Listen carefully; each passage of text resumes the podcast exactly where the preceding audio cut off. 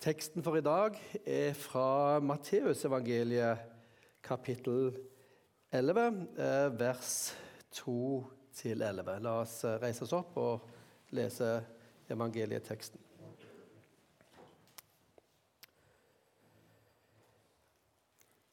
I fengselet fikk Johannes høre om alt Kristus gjorde. Han sendte bud med disiplene sine og spurte er du den som skal komme, eller skal vi vente en annen? Jesus svarte dem, gå og fortell Johannes hva dere hører og ser. Blinde ser, lamme går, spedalske renses, døve hører, døde står opp, og evangeliet forkynnes for fattige og salig er den som ikke faller fra på grunn av meg. Da de gikk, begynte Jesus å tale til folket om Johannes. Hva dro dere ut i ødemarken for å se? Et siv som svaier i vinden?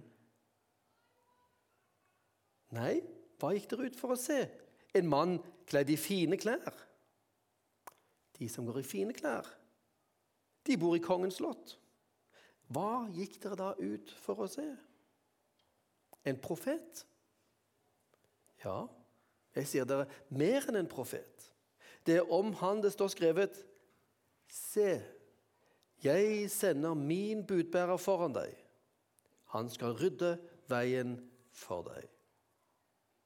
Sannelig, jeg sier dere, blant dem som er født av kvinner, har det ikke stått fram noen større enn døperen Johannes. Men den minste i himmelriket er større enn han. Himmelske Far, hellige du oss i sannheten. Ditt ord er sannhet. Amen.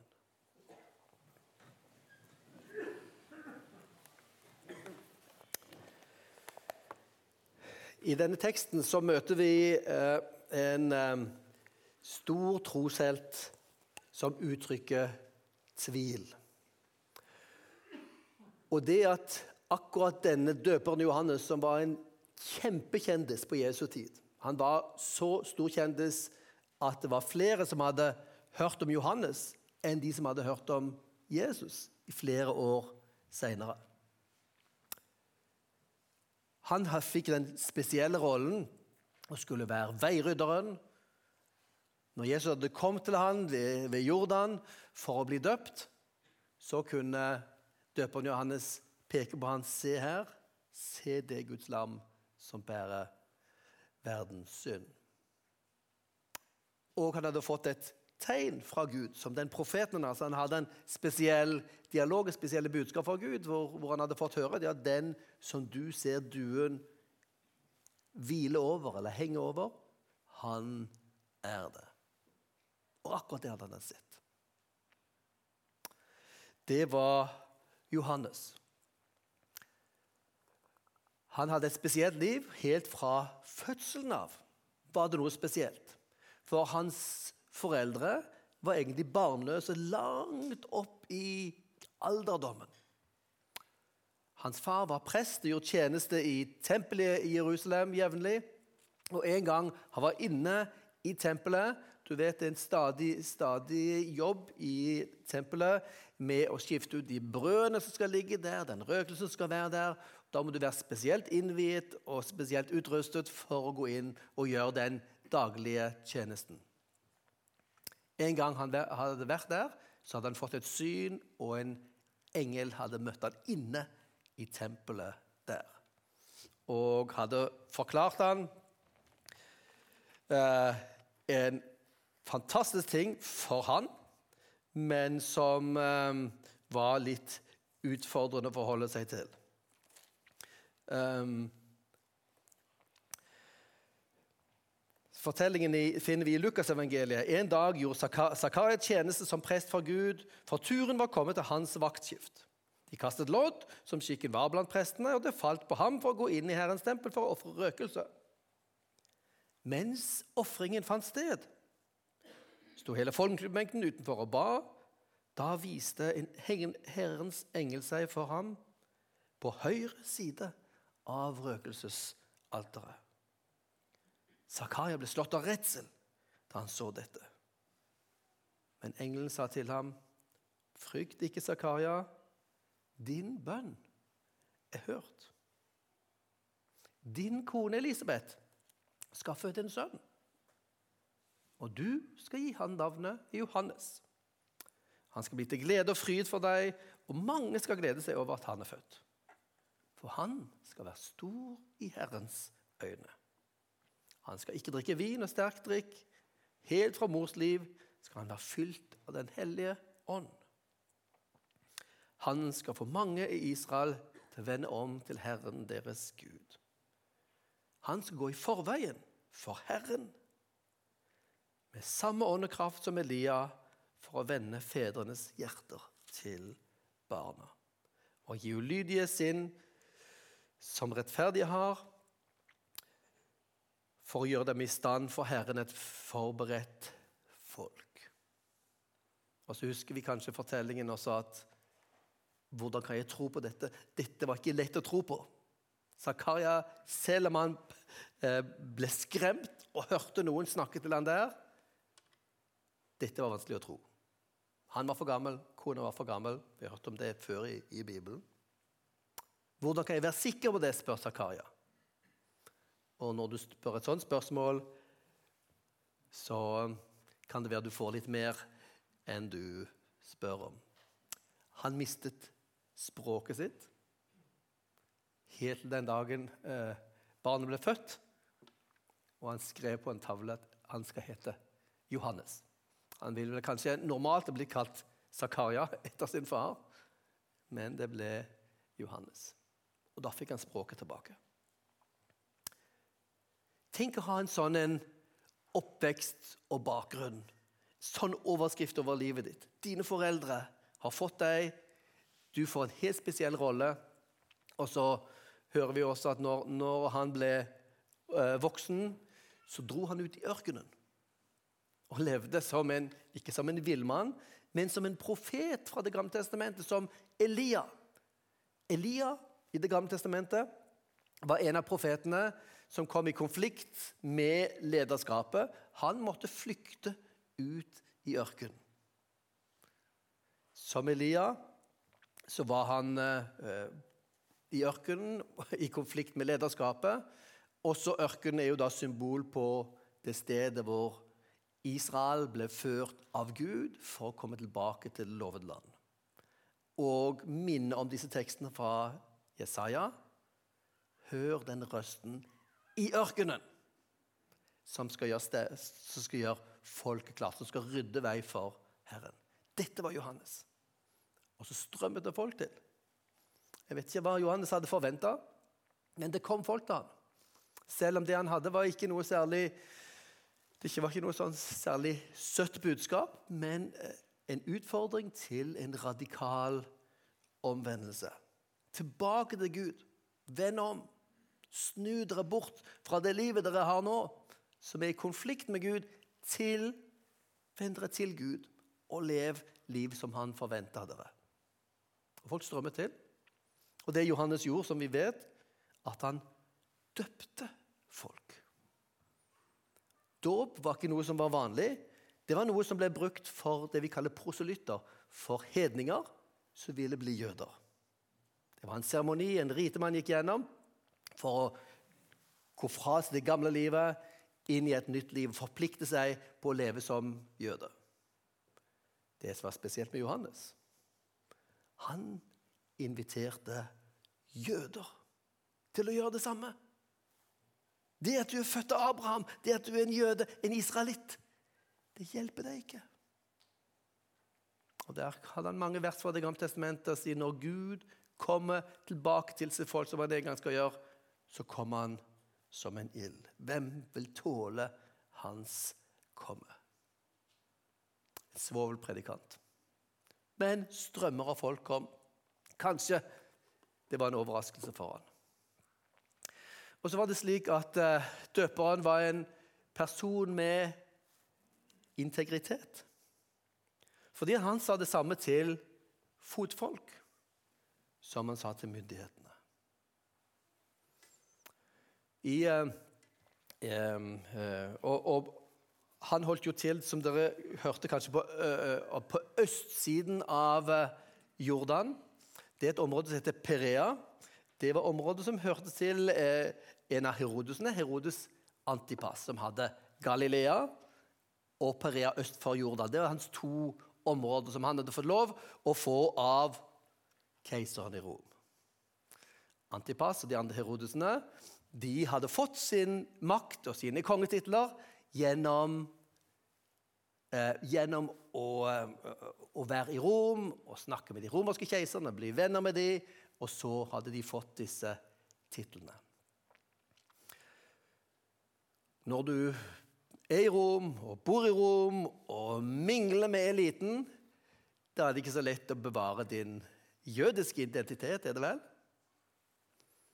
Og eh, Den romerske eliten, hva gjør de? Nei, De går ikke på arbeid. Det har man folk til. sant?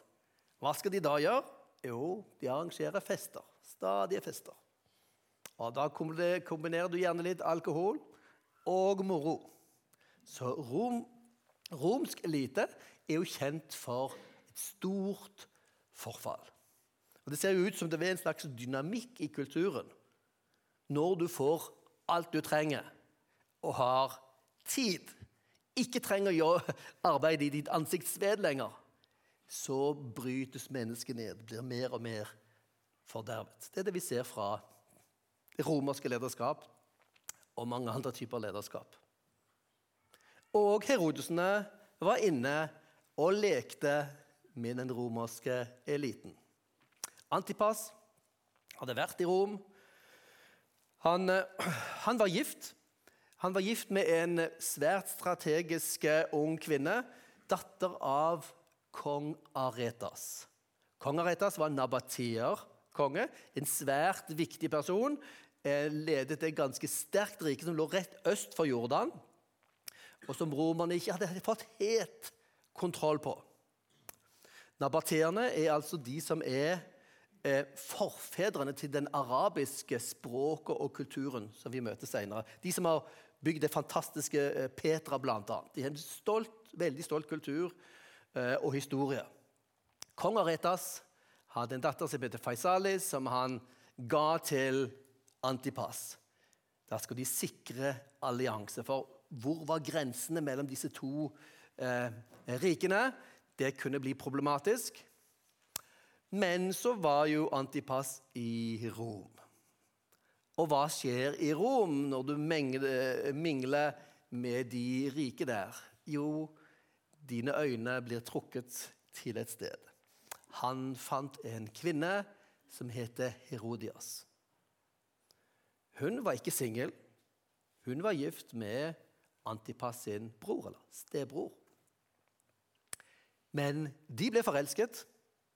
Herodias ville være med Antipas. Og da eh, Faisalis, Aretas sin datter, fikk nyss om dette, så flykta hun tilbake til sin far. Og freden var brutt for Antipas. Fordi han valgte Herodias. Hadde med datteren Salome også på kjøpet. Kjøpte full pakke, vet du. Um, dette var en del av um, um, Antipas, Herodes Antipas sitt liv. Den konflikten med at du, jo, du er jo konge for jødisk befolkning. Du skal prøve å blidgjøre dem, prøve å vise at du er jøde, sant? for å ikke miste tilliten i folket, som du er helt avhengig av. Er noen av tingene som Antipas gjorde, som ligner litt på på faren hans til Herodes den store, var å bygge byer. På Jesu tid så ble det bygd to viktige byer i Galilea. Den ene er Sepforis, bare noen kilometer unna Nasaret. Det er svært sannsynlig at både Josef og Jesus var med og bygde. De var jo håndverkere. Vi sier at, at han var tømmermann, men det håndverker som er den tekniske tittelen på Josef. Og da var sannsynligvis Jesus også aktiv der.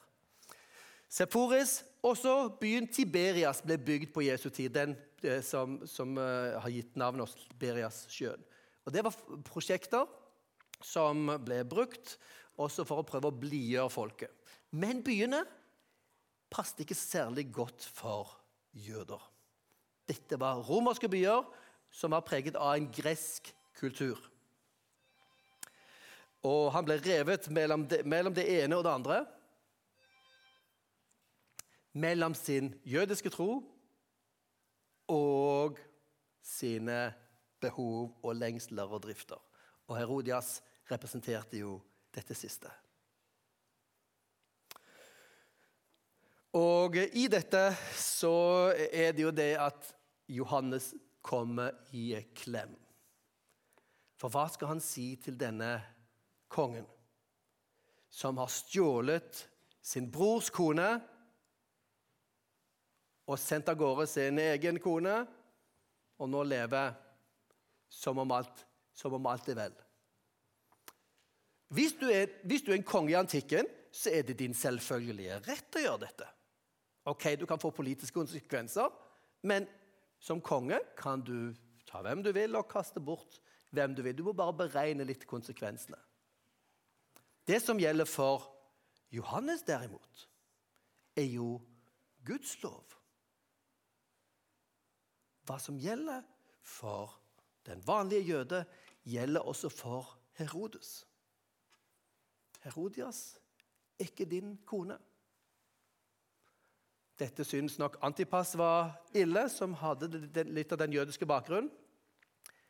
Herodias derimot hun syntes dette var forferdelig irriterende og var nok en hatet ganske sikkert Johannes ganske mye. Irriterte seg over han. Og Antipas arresterte han og fikk satt han i fangenskap. Sannsynligvis satt han i Markeros på østsiden av Jordan. Et flott, et eh, flott palass, en borg som Herodes den store hadde bygd. Og hvor, eh, hvor han ofte holdt til. Antipas sjøl og eh, Herodias. Nedi der satt han, og det som irriterte Herodias også, var at Antipas syntes det var interessant å snakke med døperen Johannes. Hvem han var, hva han trodde, sin jødiske tro og arv. Så han var revet mellom begge to. Og vi vet jo hvordan forferdelig meningsløst dette endte opp.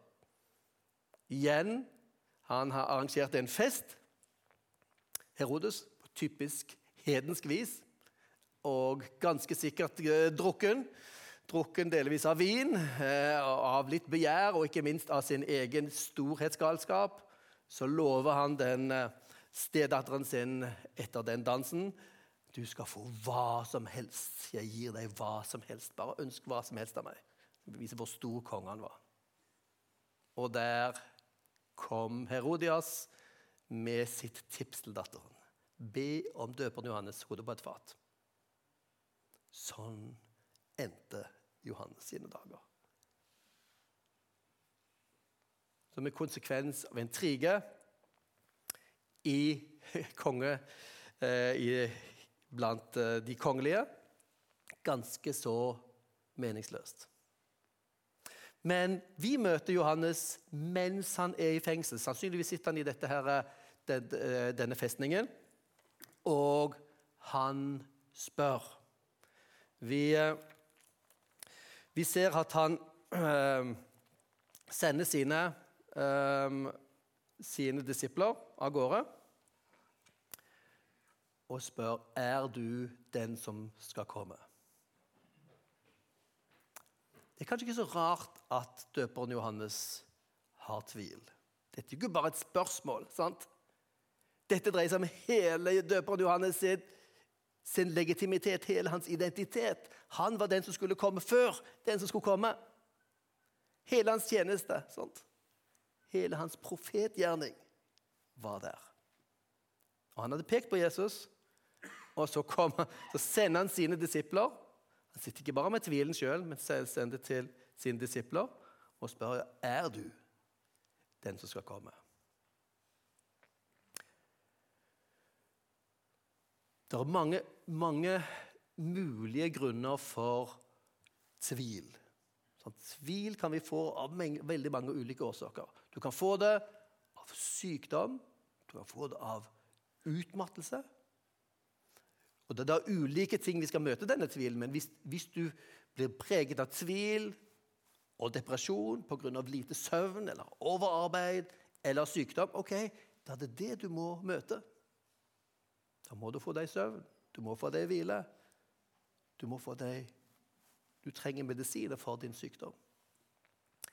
Men tvil kan også komme av andre årsaker. Det kan komme fra din egen historie med svik som du har opplevd, som gjør det vanskelig for deg å ha tillit. Og da er det noe du må bearbeide. Tvil kan også oppstå av feil forventninger eller manglende forståelse. Hvis vi ser for oss Johannes nå i, i, uh, i cellen sin, isolert, kanskje dårlig mat, kanskje deprimert, kanskje han ikke sover godt. Gode grunner for tvil. Hvis døperen Johannes ser på sin tjeneste og ser på hva som skjer rundt seg, var det også en grunn for tvil. Ikke bare den mentale tilstanden, men det han hadde forventet. Hva hadde døperen Johannes forventet av Jesus? Hva var det han hadde annonsert? Flere ganger har, døperen Johannes um, proklamert at han skulle komme, han som um, um, Øksen ligger allerede ved roten av trærne. Hvert tre som ikke bærer god frukt, blir hugget ned og kastet på ilden. Gud skulle komme til disse folk, som det står i Malakia og Jesaja, og han kommer med ild. Hvem tåler hans komme? Han skal komme og rense folket, ta onde ved roten. Og hva er det Johannes har sett? Jesus har ikke tatt onde ved roten. Herodes styrer som han vil fortsatt. Han er alliert med disse forhatte romerne, som, som igjen styrer hele, ikke bare eh, jødenes land, men også hele, hele, hele Midtøsten, hele eh, Middelhavet. Jesus hadde ikke tatt noe oppgjør med dem. Hvordan kan vi tro? Hvordan kan jeg tro at du er den som skal komme? Og merk dere hva han spør om. Johannes kunne spurt er du Messias. Vi tenker det er samme spørsmål. Men hvis dere kjenner bibelfortelling, så vil dere se at Jesus er veldig nølende med å akseptere tittelen Messias til, fram til seinere i sin tjeneste. Fordi Messias ble sett på som politisk leder. Døperen Johannes unngår å bruke den tittelen, men bruker 'Er du den som skal komme?' Den som jødene har venta på. Og Da kunne Jesus sjøl få definere det. Og Da ser vi Jesus nevne flere, flere ting i uh, hva han brakte. Han uh, nevner Se, når han skulle svare, svare disse disiplene til, til, eh, Johannes. Se hva dere observerer, se hva dere hører. Jo, de blinde får syn igjen. De lamme kan gå. De spedalske blir helet. De døve hører. De, de døde blir oppreist. Og de gode nyheter forkynnes for de fattige. Her henviser, til, nei, her henviser Johannes til tre ulike kapitler i Jesaja. Jesaja 29, Jesaja 35 og 61. Koble de sammen. Dette er alle tekster om den nye tiden, den nye freden. Hvor Gud skal gjenopprette, Gud skal ta oppgjør med det onde. Gud skal gjenopprette alt. Og Vi hørte Jesaja 35 lest der om hvordan Elver skal nå renne i ørkenen. Endelig skal gjenopprettelsen komme. Og freden skal også, også komme. Så vi husker disse her juletekstene fra Jesaja eh, 9 og 11. Fredskongen skal komme. Hvor er kongen henne? Hvor er freden? spesielt relevant å spørre om for Johannes, som sitter i fangenskap og ikke aner hva hans framtid blir. Og merk dere hva Jesus unnlater å si her. I den listen av ting som, som kobles til Messias i disse kapitlene, så nevnes også fanger skal settes fri i Isaiah 61. Johannes ville umiddelbart merket seg. Jesus sier ikke 'fanger settes fri'. Med andre ord Jesus lover ingenting til Johannes her. Men føyer til en setning. Salig er den som ikke faller, la ta anstøt, som faller fra på grunn av meg. Jesus kom med Guds rike, men det var ikke som forventet. I Jesaja 61 så står det også om, eh, om denne eh, kommer for å rope ut et nådens år og en gjengjeldelsens dag fra vår Gud. Husker dere når Jesus proklamerte sin eh, startet sin offentlige tjeneste i Nasaret, så leste han fra denne her teksten. Et nådens år. Punktum. Ikke en hevnens dag fra vår Gud. Så det som Johannes ser, og som skaper tvil hos han, er at han ser et nådens år, ja. Han ser disse gudskreftene, han ser undrene. Men hva med dommens dag? Hva med rettferdighetens dag? Når hva med oppgjør med det onde? Det er jo da interessant at det er på den bakgrunnen vi skal lese Johannes 3, 17. Gud sendte ikke sin sønn for å dømme verden, men for at verden skulle bli frelst ved ham. Det forklarer hvordan Jesus fremstår sånn som, sånn som han gjorde. Han oppfylte noen av profetiene, sånn at vi ikke skulle kunne ta feil. Dette er Guds utsendte. Han er den som Gud har sendt. Men elementet med den totale gjenopprettelsen, med dommen, den er hans neste komme. Og den vet vi var sentral i Jesu forkynnelse. En dag skal han komme igjen. Da skal rettferdigheten endelig komme. Og I mellomtiden så har han kommet, og vi skal se på Jesu komme ikke bare som en visitt eller som en romantisk liten krybbe. Og så søtt at disse her familiene her får, får eh, komme til verden vår og gi et bitte lite lys i, lys i mørket. Nei, det som skjer, er jo invasjon. Gud invaderer vår verden. Og husk at dette ikke er vår verden, det er hans verden. Når han kommer til sin verden, er det hans. Han har skapt oss, han holder oss oppe. Og grunnen til kaos og elendigheten i våre liv ondskapen er jo nettopp at vi saboterer han som er den gode kongen. Så kommer og sier 'Du er min, dette er mitt'. Hva gjør du med det? Det er det Jesus kommer for å gjøre. Og det er når du tar imot han som sier 'Du er min'. Jeg gir meg selv til deg, sier Jesus. Så går han bort og dør for deg, så står opp for deg og gir deg eh, en klippe å stå på. Vi har mye mer enn det Johannes fikk. Det Johannes fikk se. Vi fikk hele Jesu liv, hele hans forkynnelse.